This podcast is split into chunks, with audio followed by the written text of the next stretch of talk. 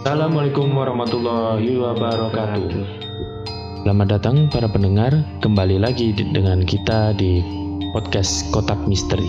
Kali ini kita akan membacakan cerita horor dengan judul Pocong Bersami.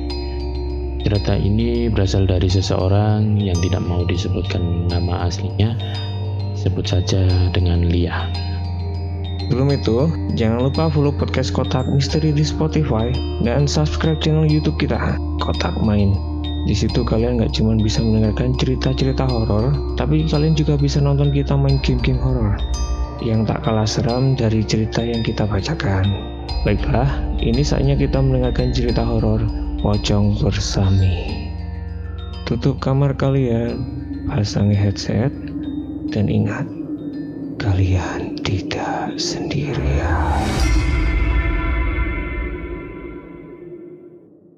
Peristiwa seram ini terjadi sekitar tahun 2004. Saat itu Lia kelas 4 SD.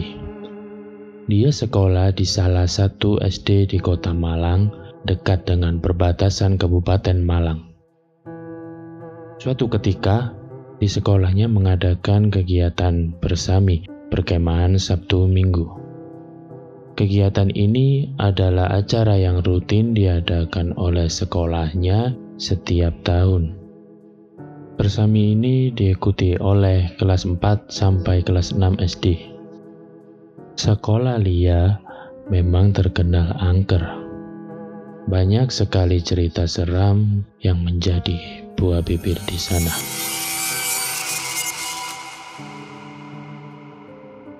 Orang tua Lia sempat melarangnya untuk mengikuti bersami, dikarenakan ini adalah pertama kalinya Lia mengikuti bersami, yang kegiatannya cukup padat, sehingga mereka takut Lia kenapa-napa.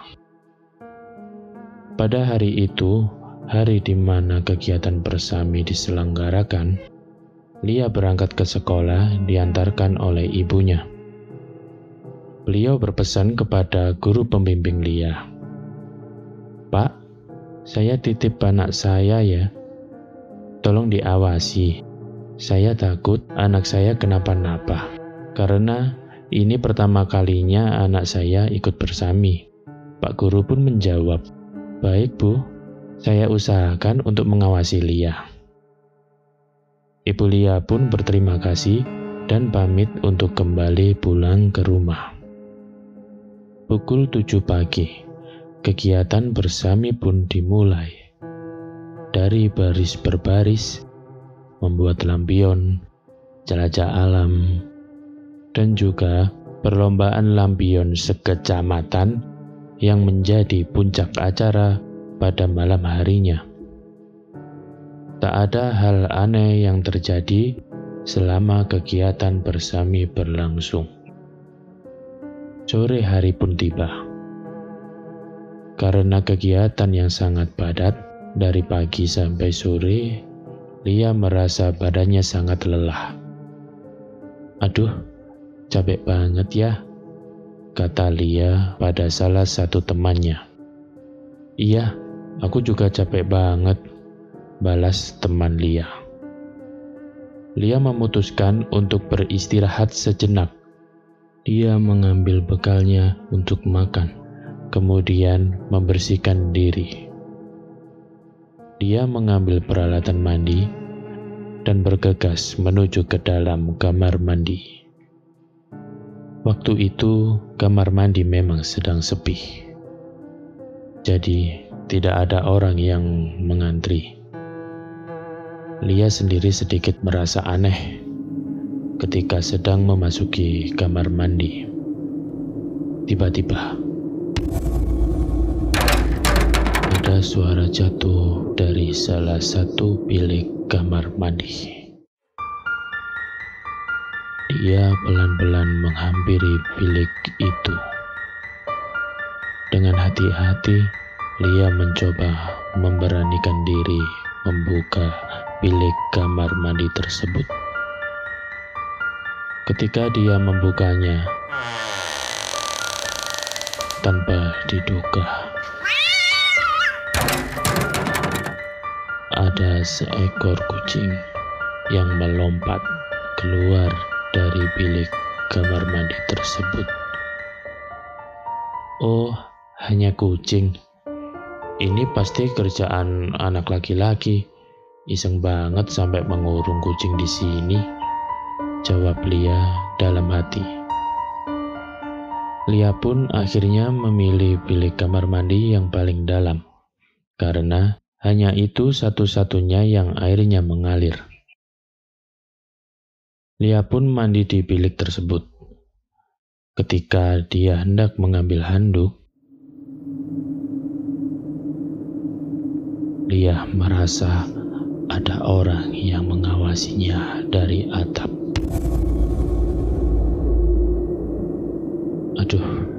Kok kayak ada yang liatin dari atap ya? Batin Lia. Dia pun bergegas keluar dari kamar mandi dan bersiap untuk mengikuti kegiatan selanjutnya, yaitu lomba lampion. Selepas maghrib, Pak Guru Pembina mengomando para murid untuk segera berkumpul di lapangan. Ayo anak-anak, cepat berkumpul di lapangan, kata Pak Guru. Lia dan para murid lainnya bergegas berkumpul di lapangan sekolah dan berbaris dengan rapi. Pak Guru memberi arahan kepada para murid mengenai aturan-aturan lomba lampion. Ketika Pak Guru menerangkan, dia merasa ada yang mengawasinya dari arah kanan barisan. Siapa itu? Kok mengawasiku terus?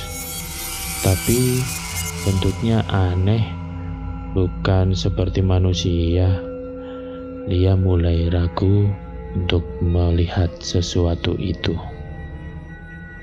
Karena penasaran, Lia memberanikan diri melihat ke arah kanan barisan, dan matanya tertuju ke salah satu pohon yang berada di lapangan sekolah, yaitu pohon beringin.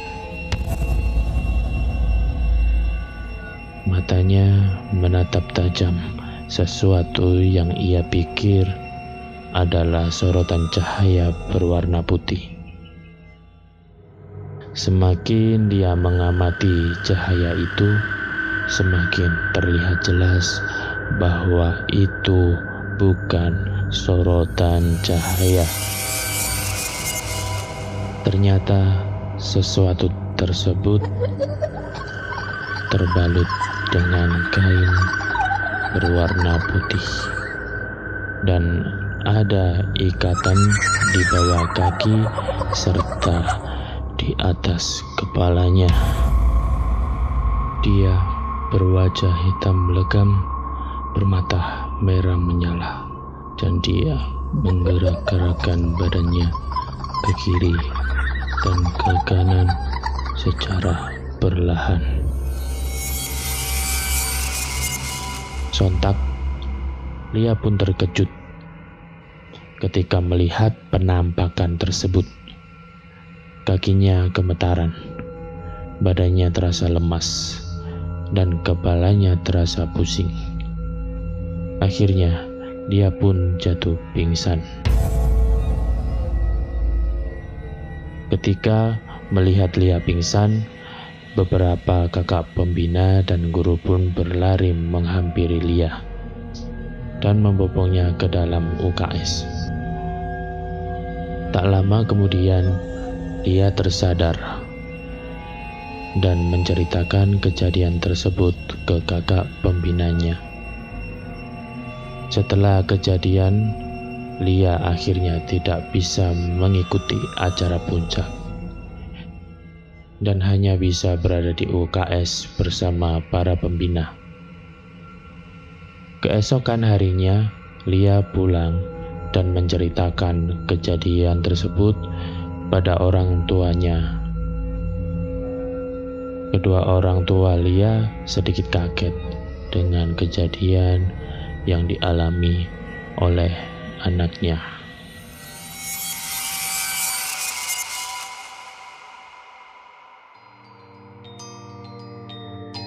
Demikian cerita horor kali ini. Untuk kalian yang mempunyai cerita horor dan ingin dibacakan di podcast Kotak Misteri, bisa kalian kirimkan cerita kalian ke alamat email kami kotak.mainhr@gmail.com. Terima kasih kita ucapkan pada kalian yang sudah mendengarkan cerita horor kali ini dan juga terima kasih untuk Lia yang bersedia ceritanya kita bacakan di podcast Kotak Misteri. Jangan lupa follow Kotak Misteri di Spotify dan subscribe channel YouTube kita Kotak Main. Baiklah, kita pamit undur diri sampai jumpa di episode berikutnya. Saya Prams, Saya Riza. Wassalamualaikum warahmatullahi wabarakatuh.